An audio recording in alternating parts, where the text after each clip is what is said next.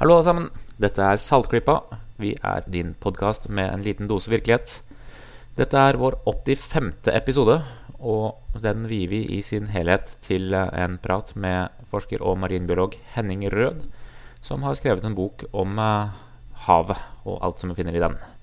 Så vi setter bare rett over til Lisha og eh, meg selv, som eh, tar en prat med Henning. Vi kom hjem til Henning Rød for å prate litt om fiskehistorier, men så inviterte han oss inn på kjøkkenet sitt, og der ligger det jo tusenvis av små sneglelus og skjell og nautelusser og andre ting som jeg ikke har peiling på engang. For jeg har ikke vært så mye i havet. Men det har tydeligvis. Det er tydelig å se at liksom, havet, det er, eh, det er, der du hører hjemme. Det er ditt liv. Ja, det er det som er hovedinteressen, det må jeg si. Ja, Du kan kanskje i den forbindelse fortelle litt uh, om bakgrunnen din, utdannelse og yrkeserfaring. Vi er her for å snakke om boka di, 'Fiskehistorier'. Og da kan jeg kanskje si litt om hvilket grunnlag har du for å mene noe om uh, fisken og havet? Ja. Det har vel begynt sånn allerede i femårsalderen. Jeg krabba under bryggen i Horten og så på det fantastiske livet som var der. Og det ble jeg så fascinert av at jeg bestemte meg for å bli marinbiolog. Så jeg studerte marinbiologi på Universitetet i Oslo. Og når jeg var ferdig med den utdannelsen, så fikk jeg jobb hos fiskerisjefen i Rogaland med å jobbe med fiskeoppdrett. Mm. Og etter en stund så dro jeg tilbake til Oslo. og Da jobba jeg i et prosjekt mellom Fiskeridepartementet, Miljøverndepartementet og eh, Kommunal- og arbeidsdepartementet om hvor man kunne ha oppdrett, og hvor man ikke kunne ha oppdrett. Altså hvordan kunne man ha, hvor kunne man ha oppdrett med minst mulig konflikt med resten av samfunnet rundt. Og etter det så var jeg Statens forurensningstilsyn. Og da jobba jeg med oppdrett og forurensning og begrensa bl.a. bruken av kjemikalier og antibiotika. Og så har jeg en periode vært innom WWF, Verdens naturfond, og da jobba jeg med alt mulig marint. Um, og så gikk det en periode hvor jeg jobba mye for Norsk biologforening. Jeg hadde masse konferanser om genteknologi og miljøvern på kommunenivå. Og så bestemte jeg for at jeg hadde lyst til å formidle. Hadde jeg lyst til å prøve å fortelle litt av det jeg hadde eh, lært gjennom studier og arbeidsliv. Så da ble det til slutt uh, journalistikk og artikler. Og til slutt så hadde jeg så mye historie at jeg tenkte at det må jeg fortelle i en bok. Ja, og Det er altså denne fiskehistorier som kom i fjor? var det? Eller ja. var det jo? November i fjor kom den. Ja. Kan du si litt om boka? Generelt for nye lesere? Ja, den, eh, den heter jo 'Fiskehistorier'. Det er litt sånn, kan det høres ut som det er en som driver ute og kaster litt med stang og fisker litt. Men det er for du skal ha litt sånn catchy tittel på det. Så undertittelen sier jo egentlig mer 'Hvem skal eie havet?' For den boka den tre, handler om tre forskjellige ting som henger sammen. For det første handler det om eh, hvor viktig hav og fisk er for Norge. Altså, Norge er en kystnasjon hvor hav og fisk eh, gjennom historien har betydd utrolig mye for oss. Og den betyr fortsatt veldig mye. Men vi har litt glemt det, vi, særlig vi som bor i byene. Og vi som er liksom vant til olje som en sånn drivkraft i norsk, alt som heter norsk eh, næringsliv. Så den første biten er det. Hvor viktig er fisken vært for Norge. Det andre biten er ja, men hvor godt tar vi vare på disse ressursene og de tingene som lever i havet. Tar vi godt vare på dem? Og der har jeg liksom For å slå det fast med en gang Vi er de flinkeste i forhold til havet i verden omtrent. Men vi er ikke flinke. Så vi er den beste eleven i en middels god klasse. Og i en, veldig, en vanlig gjennomsnittlig klasse så ville vi vært en dårlig elev, eller en middels god elev. Men vi er det beste. Og da ser jeg altså på hvem kan vi lære av. Så forteller jeg historier fra rundt om i hele verden. Folk som gjør ting bedre enn oss. Og jeg har mest lagt vekt på positive ting. Altså hvem, hvem kan lære noe positivt av. Og noen få advarsler, men også noen negative ting. Og så den siste og tredje tingen er Men hvem eier egentlig fisken og havet? Og hvor er vi på vei når det gjelder eiendomsretten til disse tingene? Ja, det må jeg si var litt øyeåpne for meg. Jeg var ikke klar over uh, alle disse sammenhengene. Uh, er det noe som du har måte visst om lenge, eller hva var bakgrunnen for at du bestemte deg for å skrive boka? Ble du inspirert eller provosert av noe spesielt? Altså, Boka skulle egentlig bare handle om de to første tingene. Viktigheten av havet og litt sånn hva jeg mener om hvordan vi kunne være flinkere det skal være en veldig positiv bok. Men etter hvert som jeg fikk ideen og begynte å tenke på det, så ble jeg mer og mer klar over at det er krefter i Norge som ser på fisken og de ressursene som finnes der, som deres eiendom, ikke vår eiendom. Eh, jeg hadde ant at det var noe sånt på gang, men eh, selv jeg som følger godt med, hadde ikke fått med hvor langt det der var kommet. Så jo mer jeg jobba med det, jo mer sjokkert ble jeg når jeg leste. Og du kan også kikke på andre bøker som handler om forskjellige typer fisk eller fiskerier gjennom de siste årene. De færreste nevner det. Og jeg er litt usikker på hvorfor ikke nevner det. Er det for vanskelig å ta opp? Er det for kontroversielt? Er det for lite Ja. Er det litt sånn eh, frekt å anta, eller å fremme forslaget at vi i Norge, som jo er den fiskerinasjonen, og har bygd hele landet vårt på det, liksom ikke burde fiske like mye? Eller er, det, er det en tradisjon inni dette bildet her, eller er det at, økonomi, at det faktisk er en hjørnesten i økonomien vår, selv om vi mm. liker å tro at det er oljen, men ja. Det er jo oljen som er, er, det store. Men vi vet jo det at vi har passert toppen når det gjelder oljeressursene. Mm. Og nå flyttes jo oljeutvinningen fra områder hvor det har vært så overfiska at det nesten ikke er fisk igjen, til områder som representerer enormt store verdier. Og vi vet jo alle det at når du først har tatt opp olje, så er den borte. Altså, den, du lager jo ikke den lang tid. Den går jo bare og brenner, du brennes opp, brukes, og så går den opp i atmosfæren med, og forurenser. Men den er borte. Mens fisken er en perpetuum mobile. Altså, tar du vare, godt vare på fiskeressursene, så har de det til evig tid. Altså, vi har fiska i 1000 år. Og jeg har sjekka det som er å finnes av historikk om det. Jeg brukte ett og et halvt år på når jeg jobba med boka bare å se på historikk. I mesteparten av vår historie så har fiskeressursene utgjort 80-90% av eksportverdien fra Norge. For det var det eneste vi hadde å eksportere. Men dere som er en del yngre enn meg, dere husker kanskje ikke en sang som svenskene hadde. Norge, Norge Det var en sang, en sånn nidsang fra Hasse Alfesson og Tage Danielsson om Norge. Nei. Og da var omkvedet var øh, den stinkende torsken. Altså Man kan til og med lukte helt til Sverige den stinkende torsken. Er ikke det litt, Nei, den husker jeg ikke. Det føler jeg burde være fornærmet. ja, det, det, var nok en del av Det ble nok veldig mye fornærma folk på den tida. Men jeg tror dessverre at bortsett fra de som bor langs kysten og lever av fisk, så har vi som bor på østlige delen i fall, og i sentrale deler av landet rundt de store byene, vi har glemt hvor viktig fisken er. Og fisk er ikke sexy. Det er det i hvert fall ikke, nei. Selv ikke i matbutikken. Ja. Så vi har på en måte glemt verdien av fisken, bortsett fra de som bor langs kysten og de som bor i havet. Og det er nok også litt av grunnen til at det har vært mulig å gjøre fisken mer og mer til privat eiendom. Fordi folk flest bryr seg ikke noe særlig om det. Tenker vi da på For jeg har litt mer sånn sånne internasjonale internasjonale grenser. Hvor langt er de utafor kysten? 200 nautiske mil. 200 Ca. 370 km. Og liksom, så innenfor det anser vi som at all fisken som er der, da, er liksom norgesfisk, og den, vi, den har vi full råderett uh, Vi har i stor over. grad, eh, mer større grad enn mange andre nasjoner råderett over vår fisk, men vi deler den selvfølgelig torsken med russerne. Og så deler vi en del annen fisk med EU-landene. Eh, men i større grad enn nesten noen andre nasjoner i verden så har vi stor kontroll over egne fiskeressurser. Og det har vi hatt siden vi fikk disse 200 nautiske milene. Og det var jo Jens Evensen i sin tid. Den kjente Jens Evensen fra Arbeiderpartiet, som var en av drivkreftene for at vi skulle få disse verdiene under, under nasjonal kontroll. Og det som er historien, er at de store nasjonene, Sovjetunionen, USA, Japan, Kina, mange andre land, var ikke tilhenger av at man skulle ha 200 nautiske mils grense. De ville gjerne fiske akkurat hvor det passa dem. Mm. Mens det var de små landene, også Asia, Afrika, Sør-Amerika og en land som Norge, som ville ha det til våre det skal være vårt. Er, er Norge egentlig et lite land sånn når vi kommer til eh, ja, ting med havet? Nei, altså, jo... det er det som er det helt motsatte. Vi er jo drivkraft, og en, vi har jo verdens mm. største flåte, fiskeriflåte, handelsflåte. Mm.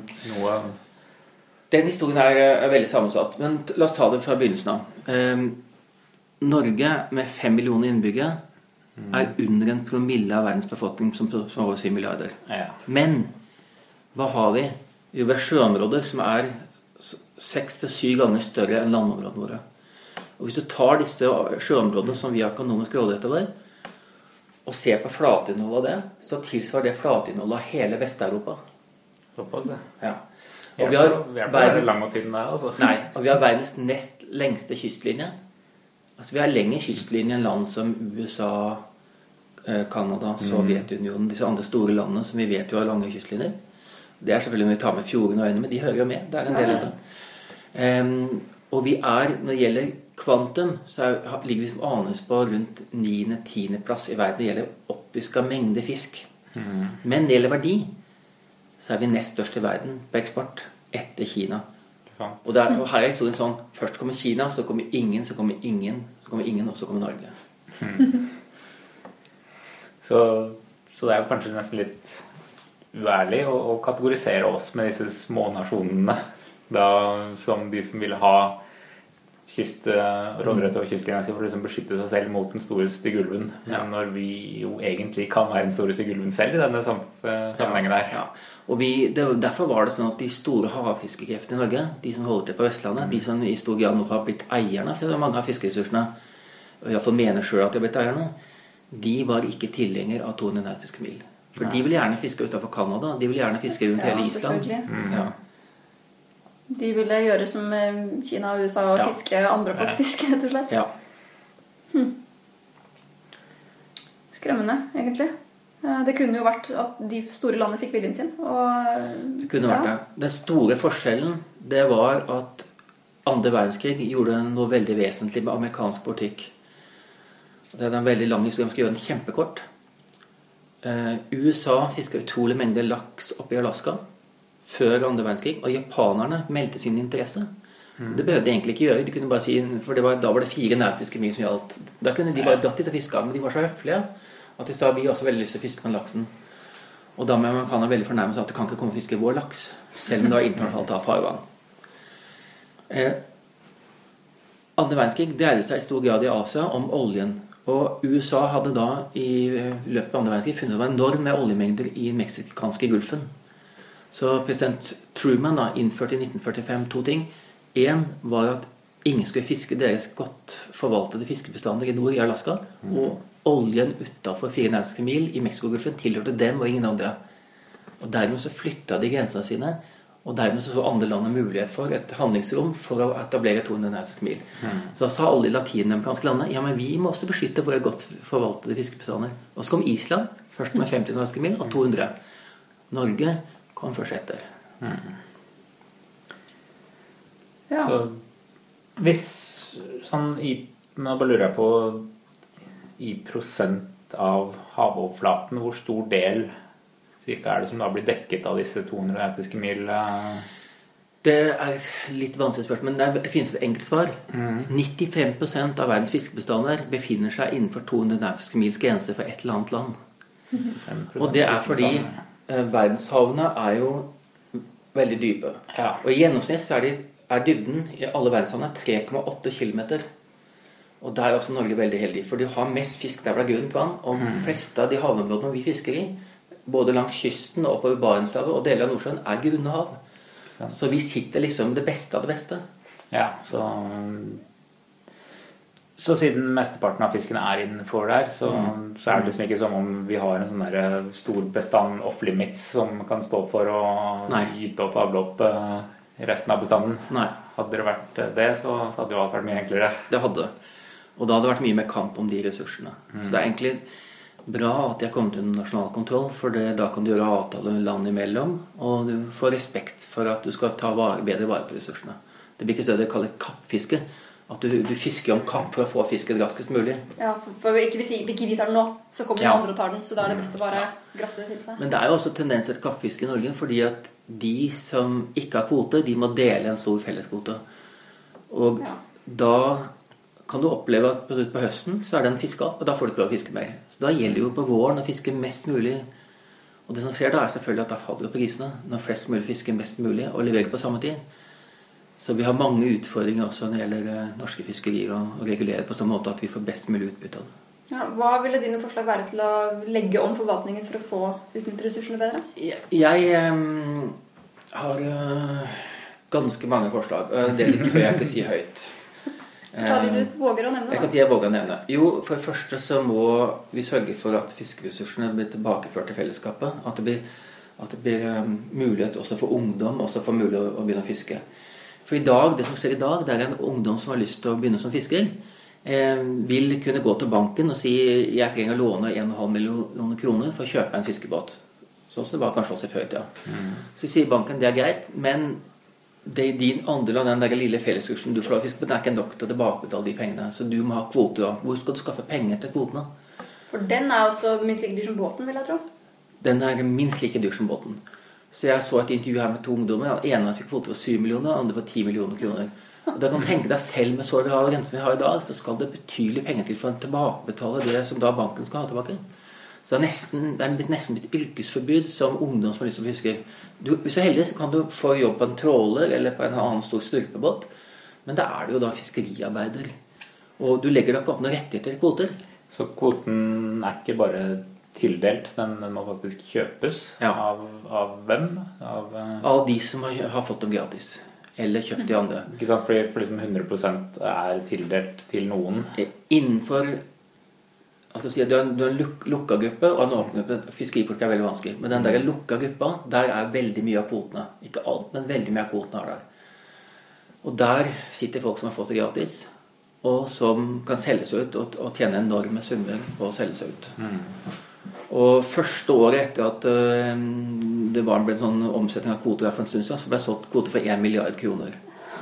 Og store, nye fiskebåter for det er en tendens til at fiskebåtene blir større og større. Mm. I fjor så ble det kjøpt inn 19 nye fiskebåter. Og prisen, minimumsprisen på disse store båtene var 500 millioner kroner. De dyreste var bortimot en milliard. Det er, det er mye penger. Det er mye penger. Og da skal du ha mye i bakhånda før banken gir deg de pengene. Da, og da har du kjøpt opp kjøpt opp kvoter, ikke sant? så du har lagt opp eh, store summer. Da, da, må det jo være Kjell Inge Røkke for å prate til det der omtrent? Røkke eier eh, minimum 10% av de norske torskekvotene. Mm. Og han lovte jo i sin tid at han skulle sørge for at de industriene som var på land, skulle få fisk. At han skulle ordne opp i det systemet. Så vet vi at nå mye av fisken hans, mesteparten, går til Kina. Ja, så han har ikke holdt det han lovet. For et sjokk. Ja. Jeg er dypt rystet. Det vil jeg tro. Eh, og på noe litt annet. Eh, jeg har hørt deg si tidligere en gang at det har vært vanskelig når boka kom ut, sånn, så var det vanskelig å få medieinteresse rundt boka. Det er kanskje noe med det Bendik sier, at fisk er ikke sexy. Mm. Eh, men eh, du kan kanskje si litt om det. Og også var det vanskelig å få et forlag interessert i ideen til boka? Ja, eh, jeg tar med forlaget først. Eh, det var en veldig rar prosess, fordi jeg fikk umiddelbart et forlag. Og leverte etter et eh, års tid en manus til dem. Og så purra jeg på de etter to-tre måneder, og så skjedde ingenting. Og så purra jeg på dem etter to-tre nye måneder, og så fikk jeg en ansvarlig på forlaget som skulle lese det. Så fikk jeg et møte, og da fikk jeg ti minutter. Okay. Og så sa personen 'dette må det arbeides mer med'. Det var det effektet jeg fikk beskjed om. Og så sa også personen 'vi kan ikke utgi det før minst om ett år'. Og da var målet mitt å få, få ut boka før disse rettssakene om disse evigvarende tilleggskvotene for trålerne skulle opp. Jeg ville gjerne ut og varsle om dette. Jeg ville gjerne si for at dette var på gang, så at folk flest visste om det. Eh, da hadde jeg sittet i ett og et halvt år uten at det forlaget hadde gjort noe. Jeg skal ikke henge ut noe med navn, men det var et av Norges største forlag. Da eh, gikk jeg til de, og så sa jeg at hvis ikke dere garanterer meg nå at dere jobber med boka nå neste halvår fremover, så må jeg sier for at jeg trekker meg fra dere. At jeg trekker meg fra avtalen. Og det har man rett til når noen ikke har gjort noe på et og et halvt år. Og da sa de ja, beklager, vi har ikke anledning til å gjøre det. Og da fikk jeg på to dager Manifest Forlag. Jeg ringte igjen dagen. Eh, den forlagssjefen jeg snakket med, var veldig positiv. Og så sa de vi får se på manuset. Eh, sendte manus til dem. To dager etterpå fikk jeg telefon. 'Dette ser bra ut. Nå skal vi få en til å finlese det, men du får tilbakemelding i løpet av en uke.' Og etter det så bare rullet det av seg selv. Så det var den biten. Um, så var det andre delen av historien, og det er når boka kom ut, så hadde jeg noen ting jeg trodde den skulle selge veldig godt på. Og det ene tingen var dette med norsk homoforvaltning, som jeg mener jo er en katastrofe. Og jeg mener at vi har skusla bort en stor verdi, særlig for den sørlige, sørlige og sørvestlige delen av landet. Og jeg syns vi fikk veldig liten respons der. Og hvor jeg sleit veldig og ringte 20 journalister fra svenskegrensa og opp til Rogaland og sa jeg har en veldig god sak for dere. Det er det her som kommer. Og det var, av de 20 journalistene så var det tre som så vidt gadd å lytte til meg. Og så sa de eh, sa, Nei, det er, det er ikke veldig interessant for våre lesere. Ja, men fisker ikke folk hummer hos dere? Hummer er jo den nye rypejakta eller elgjakta. Jo, men eh, nei, det er ikke noe interessant for oss. Så ingen av de nappa på det, og jeg syns jeg hadde en veldig god sak. Og så våkna jeg da tidlig en morgen sånn i 60 og så tenkte jeg noen må jo forstå dette her at, at eh, norsk hummerstand er på en 40, kanskje 400 tonn fangst i året, men den kunne vært på 40 000 tonn i året. Altså den er på en, en prosent av hva den kunne være. Og hummer er ikke billig. Er Fiskerne får 250 kroner kiloen. Så det skal ikke mange tusen tonner før det blir noen millioner eller milliarder kroner. Og forskerne har gitt gode råd i Forskere og andre fornuftige folk har gode råd i 270 år. Ikke fisk den unge hummeren før den rekker å forplante seg. Og så slo det meg seks om morgenen Jeg ringer NTBs tipstelefon. Og der sitter jo folk og venter på å høre om det har skjedd en revolusjon et sted, eller det er liksom opptør et sted. og liksom gripe fatt i storsakene. Ja. Men hun som satt på vakt der, hun tok umiddelbart den, min forklaring. Sa at dette høres veldig interessant ut. Jeg går av vakt om en time. Da skal jeg tipse hun som blir dagvakt om saken. Og hvis hun syns den er god også, så får hun en journalist ringe til deg. Og tre timer etterpå så ringte en journalist. og Vi har lagd inn intervju. Og dagen etterpå så var den i ja, opp mot 36 forskjellige medier. Så da fikk jeg Da, da skjedde noe. Og det jeg solgte på, var selvfølgelig at hummer får seg ikke et eneste nummer. Altså Hummeren rekker ikke å ha sex. Og hvis ikke du rekker å ha sex, så rekker du heller ikke å forplante og lage avkom. Men etter det så må jeg også si at jeg har fått mye mer presse enn jeg forventa få.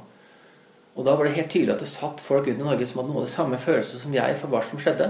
Fornuftige, flinke journalister som grep fatt i det. Og det var nesten hver eneste avis hadde minimum én sånn journalist som eh, grep fatt i saken. Og da fikk jeg kanskje tre til fire ganger mer presse enn de hadde forventa. Var det noen av de samme journalistene eller avisene du hadde prøvd å tipse tidligere, som da Eh, nei. måtte krype tilbake og Nei, nei, det var helt nye folk som jeg ikke visste om, fordi avisene er jo ganske store redaksjoner. Man vet liksom ikke hvem som holder på med hva.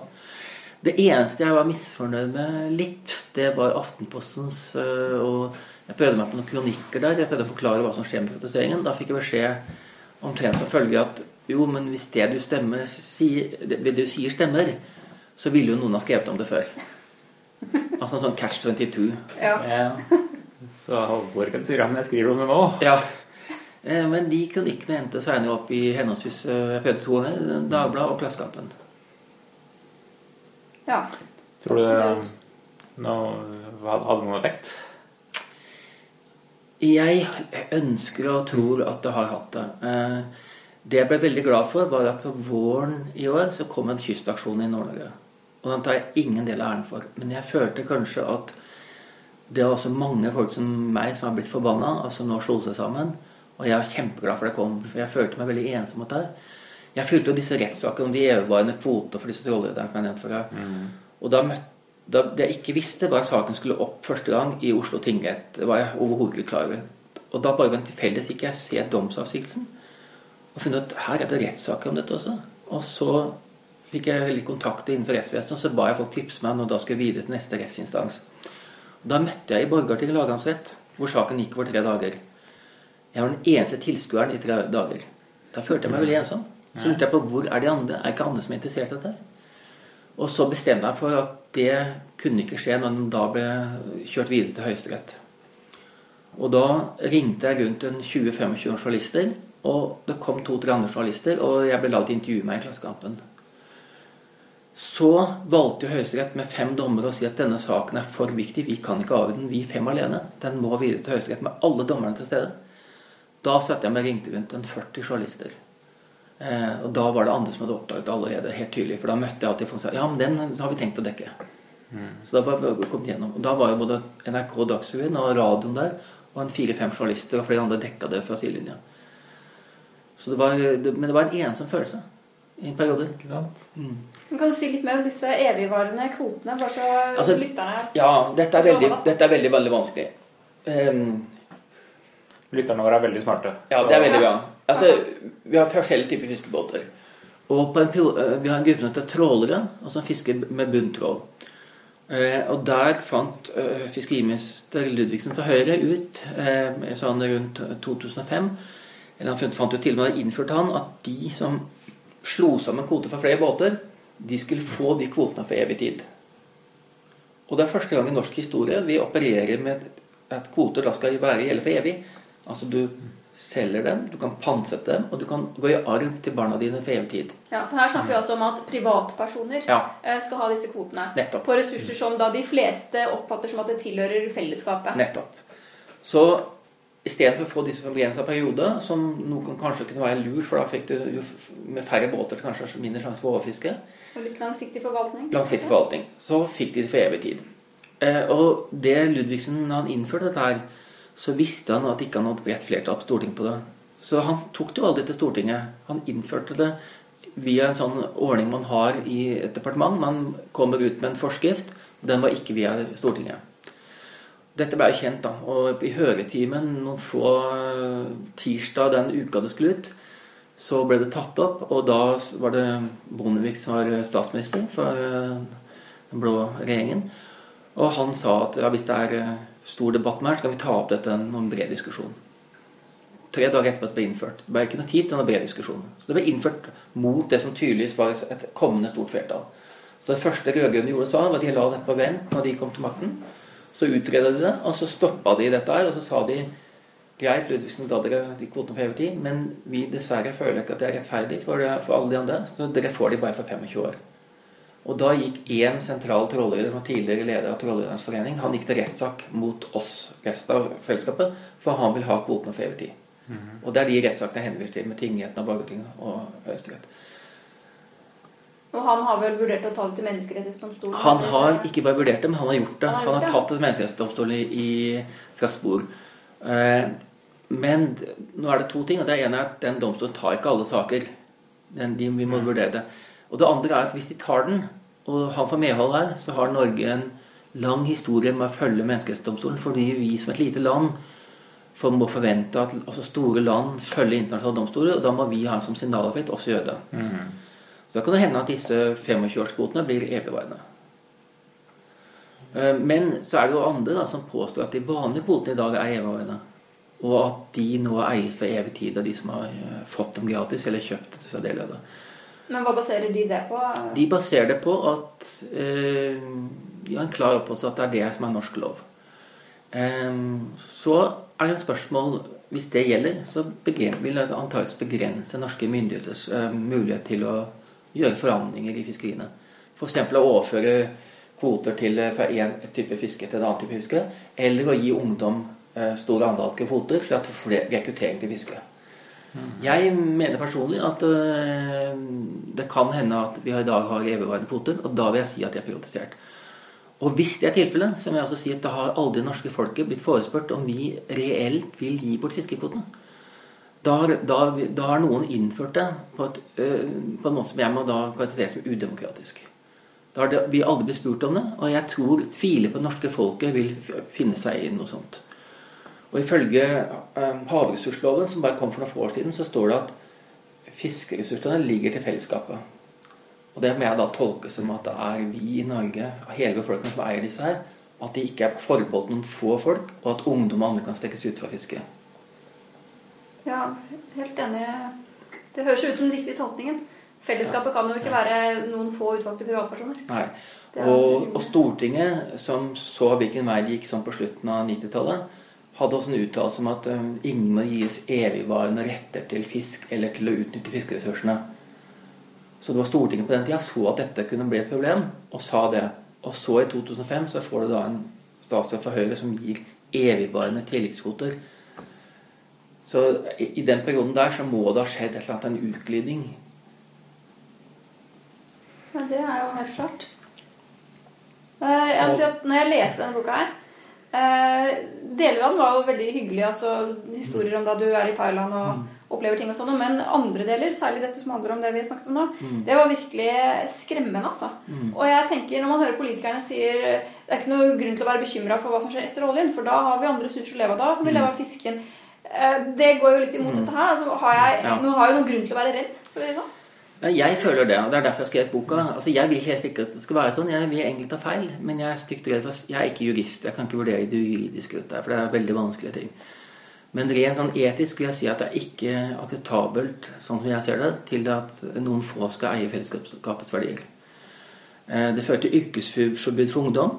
Det fører til at en næring som, eh, hvor vi skal ha nytenking og bedre utnytta ressursene, eh, bedre utnytta råvarene, mindre forurensning, det blir sementert på noen få menneskers hender. Og det medfører jo ikke nyskaping og at det skjer nye ting på det feltet. Da får du ikke nye ideer inn og nye, nye krefter for å prøve nye ting. Jeg merker også at statsråden som er nå, for Høyre, i den blå-blå regjeringen, hun prøvde seg først med å såkalt strukturere båter under 11 meter. Og Det betyr at hun vil gjøre den prosessen som har skjedd med de store båtene, også opp på de små båtene. At de skulle kjøpe kvoter og selge kvoter. Og det samme der. Og da tror jeg at igjen kvoter vil bli solgt fra de som har lite, til de aller største båtene. Så enda mer samling, samling på, på, på, på, hender. Eh, det hun prøver seg på nå, er at det alltid lenge vært forbudt å selge kvoter i Norge. Altså Norsk lovverk sier at det er ikke lov til å selge kvoter. Men så fant noen fiskere ut et triks. At de solgte kvoter med båter. Det var akseptabelt, for det måtte noe omsetning måtte ha. Og så gjorde de så? Jo, så solgte de en båt med kvoter. Og så uka etterpå kjøpte de båten tilbake uten kvoten. Og det, og det mm. aksepterte Fiskeridepartementet. Så Fiskeridepartementet aksepterte å hule ut norsk lovverk. Og Da ble det presedens for det, og nå har de fortsatt å gjøre det. Ja, og nå har de fortsatt å gjøre det. Og da, nå prøver statsråden å gjøre det. Nå skal dette bli lovlig. Altså det skal bli så handprodukt på hvilket som annet handprodukt. Så hun skal fjerne det, det båtsalget. Og det båtsalget da var du iallfall sikker på at du ble kjøpt av en annen fisker. Mm. Og var nå vil hun fjerne det. Og da, da, føler jeg at det er en del av den samme prosessen. At hun fikk ikke gjennom strukturering for båt under 11 meter, for det gikk Fremskrittspartiet imot. Venstre imot. Hun har ikke noe flertall, bredt flertall på, på Stortinget. De andre, disse partiene hadde sett dette hadde gått for langt. Sånn som de rød-grønne lenge hadde gjort. Og nå prøver hun da å flytte ved å gjøre noe som har vært ulovlig lenge, og som har vært Eh, man bare har godkjent uten at det har vært lovlig, har akseptert og flytta grensene, så skal det være lovlig. Det er en del av den samme prosessen. Det er jo helt klart. Eh, det er én ting som jeg ikke forsto helt i boka eller Det blir jo forklart, så det var ikke at det var dårlig forklart, for det kom ikke frem da slik jeg leste det. For det, du snakker jo litt om eh, at fiskeriministrene de har jo tradisjonelt ikke hørt så mye på forskerne når det gjelder eh, mm. størrelsen på kvotene. Og sånt nå. Mm. Og det har blitt fisket typisk mye mer enn det mm. det egentlig har vært grunnlag for. Men allikevel ikke så, har ikke det vært så ille her som f.eks. EU. De fisker jo helt avsindige kvoter som ikke har noe rot i virkeligheten. Men jeg tenker, det jeg da ikke skjønner helt, er at hvis kvotene blir privatisert da, til evig tid eller tidsbegrenset samme det, Hvilken myndighet vil da fiskeriminister og fiskeridepartement ha til å begrense kvotene? Altså Hvis det er privatpersoners eiendom, mm. kan man da gå inn senere og si at nå halverer vi det, for det er ikke nok fisk? Mm. Altså, det er et veldig godt spørsmål. Fordi nå er det mye fisk. Det er mye torsk, ganske mye sild, og det er ganske bra med alle fiskebestander. Da er fiskerne fornøyde. Da får de høye kvoter. Hva skjer når en eller annen gang enten naturen går imot oss og plutselig så klikker det med fiskebestandene. Eller, vi, eller vi overfisker, eller, kom, ja, eller det blir for varmere hav så at eh, fiskebestandene går ned fordi de får ikke de rette forholdene. Ehm, jeg er stygt redd for at da vil fiskerne på en måte med loven i hånd prøve å kreve større ressurser enn det samfunnet er villig til å gi dem. Og hvis det er sånn at de har tillatt seg eiendomsretten, så vil de jo kunne stille mye sterkere juridisk. Så det er et veldig godt spørsmål. Jeg tør ikke spekulere i det. Men folk jeg kjenner som kjenner fiskerinæringen godt, sier at staten har fortsatt i dag et handlingsrom. At Fiskeridepartementet har fortsatt et rom til å forandre mellom kvoter. Hvem som skal ha hvor mye fisk osv. Men jeg tror at jeg frykter at hvis det kommer til et punkt hvor da staten setter hardt mot hardt og sier at nå må vi flytte mer fisk til kystfiskerne for de forurenser mindre, så det er godt dokumentert Kystfiskerne eh, forurenser tre til fire ganger mindre per kilo fisk de fanger enn de store havgående Og Hvis da staten eller Fiskeridepartementet plutselig bestemmer seg at nå skal jeg flytte mye over til kysten, så er jeg stygt redd for at de som eier kvotene, vil komme til å gå til rettssak mot oss, mot norske staten, mot vi som eierne av papir av fiskeressursene, og at de faktisk kan vinne helt opp til høyesterettsinstans på Dette kan ikke skje, for dette er tilbakevirkende kraft det kan ikke komme noe å gjøre en forandring på dette, for nå har det 20-30 år i hvert fall. Ja, og de har investert masse penger. Etter, uh, tilbakevirkende kraft. Ja. Uten store samfunnsmessige hensyn. Men det er en avveining, og det er helt avhengig av Nå var det ni ja, høyesterettsdommere mot åtte som ville ha evigvarende kvoter. De ni ville ha bare 25 år. Det var én stemme det sto på. Og opprinnelig så var det 19 dommere med, men én måtte erklære seg ugild, for hans datter hadde dømt i Oslo tingrett for trålerredderne. Og da måtte én trase og stemme stemmelikhet. Så her snakker vi om Små marginer. veldig små marginer. Er det jeg lurer på, er det noen av partiene som er eh, Eller merker du forskjell av når vi nå nettopp har bytta regjering, på politikken som føres? Ja, jeg gjør det. Vei det går? Ja, jeg, jeg syns jeg merker det. Jeg, de som har drevet gjennom privatiseringen, er i stor grad Høyre og Fremskrittspartiet. Fremskrittspartiet var de første som var tilhengere av omsettelige kvoter. Fordi de har et sånt syn på at eh, markedet skal løse alt. Markedsliberalisme. Høyre har mye av det samme. Og Høyre har jo stor støtte fra de rike innenfor fiskerinæringen. Eh, og antakeligvis lytter på råd fra dem. Eh, Kristelig Folkeparti og Venstre har nok i stor grad snudd, men har vært, vært støttespillere for de regjeringene. Det, men det opplever vi ofte at mindre partier enn regjering må ofte gi seg i saker som de ikke er, kanskje de føler er så viktige. Eh, så må jeg si at Arbeiderpartiet nå i opposisjon er et annet parti enn det var når de satt med makten. Ikke uventet. Nei, ikke uventet. Men de hadde en rimelig god politikk, må jeg si. Og du må jo si det at i 2008, da jeg hatt hummeren, så var det rød-grønne regjeringen som innførte minstemål på hummer, slik at den fikk lov til å pule minst én gang i livet. Så for hummer 6 så gjorde de veldig mye. De var de første som virkelig lyttet på forskerne her. Og jeg må også si det at fra de kom til makta i 2005, så de, var de mye flinkere til å høre på forskerne enn de konservative har vært. Ja. Og, men det vil jo si, siden vi da, som du sier, vi er de flinkeste i klassen i en ganske dårlig klasse, så vil jo si, selv om de var flinkere enn de blå, så var de ikke veldig flinke. Ja, altså den, Det partiet som kanskje har den beste politikken, er fra mitt synspunkt, er jo SV. Men de har ikke noe særlig makt. Nei. Og de har, aldri hatt, de har aldri hatt noen fiskeriminister. Fiskeriminister kommer enten fra Høyre, Arbeiderpartiet eller Senterpartiet. Og kommer veldig ofte rett fra fiskerinæringen. Og skal ofte rett tilbake til fiskerinæringen eller til en kommune som er veldig avhengig av fiske. Um, så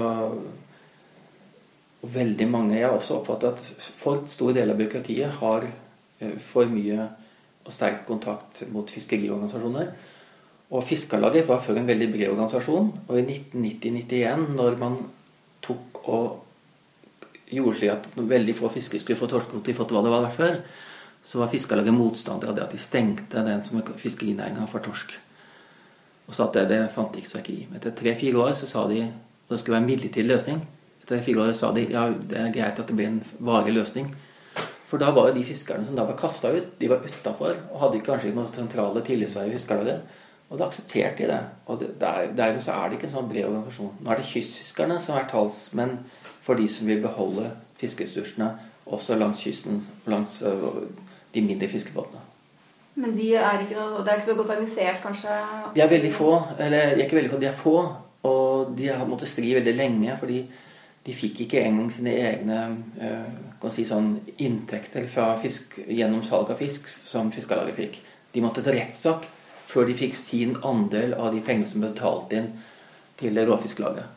Så de måtte slite. De, de gjorde en kjempejobb i, i den organisasjonen og måtte slite veldig hardt for å få lov til å få de rettighetene de fortjente. Hmm.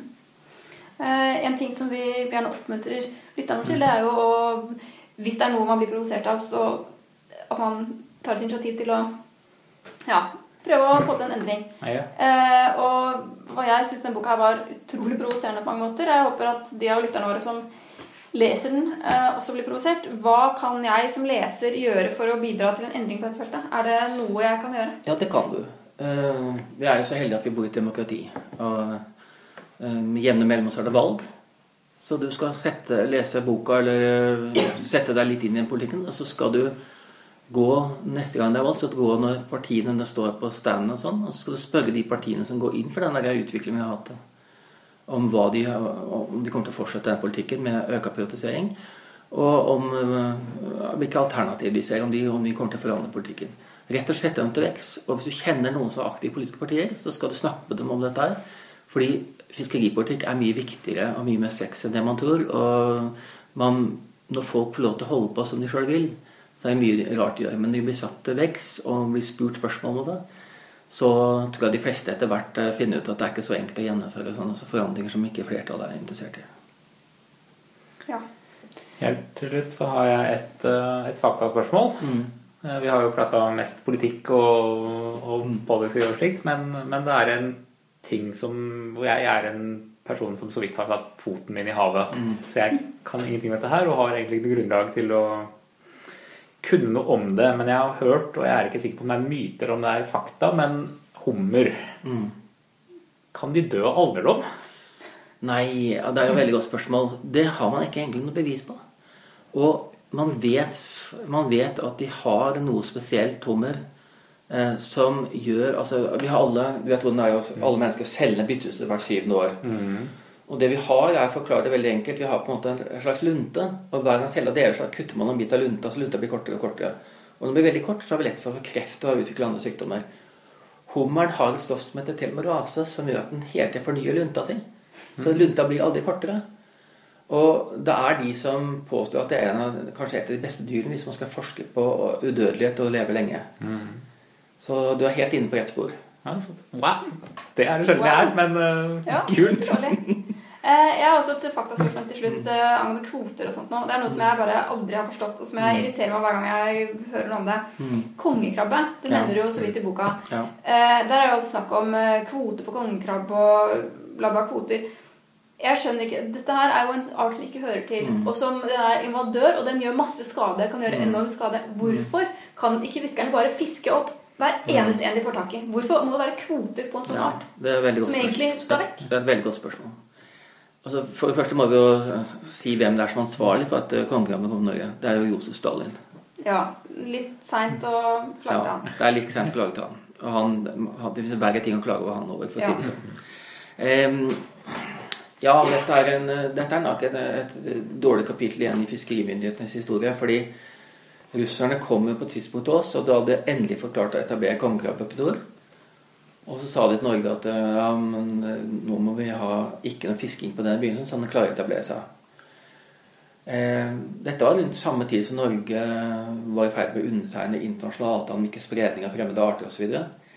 Eh, så det, på den ene så hadde et miljøvernminister som signerte avtale mot ikke-spredning av fremmede arter. Og så hadde Fiskeridepartementet som eh, gikk inn for at man ikke skulle fange fremmede arter. For å la den spre Ja, seg. og, og jeg har sett at WWF, Verdens naturfond, har prøvd å ta anmeldelse av Norske Fiskeridepartementet fordi de ikke overholdt det, det internasjonale lovverket vi hadde undertegna. Men er ikke dette bare naturens mangfold? Som, eh, kan man si. Men det som er med en kongekrabba, er at man har sett sånne skremmebilder av en svære armé av krabbeormer som, som vandrer langs bunnen. Ser ut som masse sånn havets lille panservogn som kommer ø, Den er ikke så lite heller. Men poenget er at den er så utrolig bra på å beite ned hva som finnes på bunnen. Så der hvor det har vært store flokker av dem, så er det så nedbeita at det blir oksygenfritt. For det er ikke nok dyr igjen til å liksom leve i det, det øverste halvmeteren. Så alt der blir på en måte dødt. Og Det er fortsatt et svært åpent spørsmål, og forskerne er helt åpne på det. At de kan også for eksempel gå og spise rogn av bunnlevende fisk. Og Vi har noen fiskearter som er veldig viktige med bunnlevende rogn. Og Det er lodde, og det er sild, og det er arter som steinbit. Og kongekrabben kan jo kanskje gå hjem til skytefeltet, og så knasker den i seg alle gangene. Og da er jo borte med fisken også. Og iallfall så tar den vekk det som fisken skal leve av, det som torsk og andre beiter på. Men torsken får ikke tak i alt. Så i Norge så er det jo sånn at på, vi har en, oppe i Finnmark har vi en grense, og østen, altså mot russerne, så er det kvoter på kongekrabben. Vest er det fritt fiske, som du sier. Ja. Men det lønner seg jo ikke å fiske den små krabben. For det er ikke mye penger i den. Nei, de må vokse til litt. må vokse til. Og det betyr at de vandrer jo hele tida sørover. Og så har det dessverre skjedd at fiskere, og det tror jeg her er en, en del av den samme pro problemet som jeg snakka om tidligere Når noen blir stående uten kvoter, så ser de at i nord så tjener mange mindre fiskere ganske store penger. Flotte penger, mye penger på kongekrabba. Så tenker de sånn vil jeg ha det i mitt område òg. Så når de reiser sørover, så tar de kanskje med seg noen krabber og lemper ut. Og det er, det er, det er jo helt klart at det må ha skjedd. Og hvem som har gjort det, det vet vi ikke. Om det er fiske eller andre. Men det er mest sannsynlig at det er folk som kunne tjene på det. Som har gjort det bevisst. Altså. Antageligvis mye tyder på det. For det er jo funnet kongekrabbe helt sør til Bergen. Og den kan jo ikke ha vandra altså Det er ikke sånn at én krabbe er en sprinter og løper flere hundre kilometer foran de andre. Og dessuten så er det er et område som er vanskelig å ta seg forbi, og det er jo Lofoten. Og den har klart å komme seg godt forbi den også. Det er flere funn sør for Lofoten. Så dette er et, jeg tror det er et dårlig tegn for bunnfisken lenger sør. Og fiskere er jo også helt oppgitt av det stedet, for du kan ikke sette vann i bunngarn, for den går full av små trålkrabber som ikke du tjener penger, du har ikke lov, kanskje ikke kvote på dem heller. Så det er en uh, typisk sånn historie, litt à la det vi har hørt om uh, fra Australia med kaniner og andre ting, og utsetting og så videre. Ja. Det gikk jo heller ikke så bra. Nei. Nei. Ja, nei, takk. Det var kanskje ikke så mye. Svaret jeg ønsket, var jo bare å fiske opp hele dritten og bli kvitt. Ja. Men eh, jeg skjønner jo skjønner at det er litt mer komplisert enn noe sånt. Skal alltid være så problematisk, du. Ja. Ja. Men nå må jeg huske at boka mi er veldig mye positiv historie også. Men det er lett det for å fokusere på det negative og dårlige. Og sånn er det dessverre. Så det var egentlig tenkt som en veldig sånn positiv bok i utgangspunktet. Men så ble det kanskje en tredjedel litt sånn ting som skjer som ikke burde ha skjedd. Ja, og- men jeg skal si Det var en underholdende bok å lese. Den er veldig eh, lettfattelig for en person som ikke vet noe om det, som meg. Eh, og det er mange spennende historier om f.eks. Liksom, kunstig rev i Japan og masse slike spennende ting. Men mest av alt så ble jeg egentlig skikkelig forbanna. Fordi på grunn av denne siste tredjedelen, som du sier, som jeg absolutt ikke var klar over. Og som er virkelig provoserende. Nei, vi anbefaler absolutt fiskehistorier. Hvem skal i havet? Finnes på Manifest forlag og i din bokhandel. Tusen takk, Henning Rød. Ja, tusen takk, Henning. Takk skal du ha. Da sier vi igjen takk til Henning Rød for eh, den flotte samtalen. Og vi legger ut linker til eh, mer av hans verker og bøker på saltklypa.no. Det var det vi hadde for denne uken, så da høres vi igjen om en par ukers tid.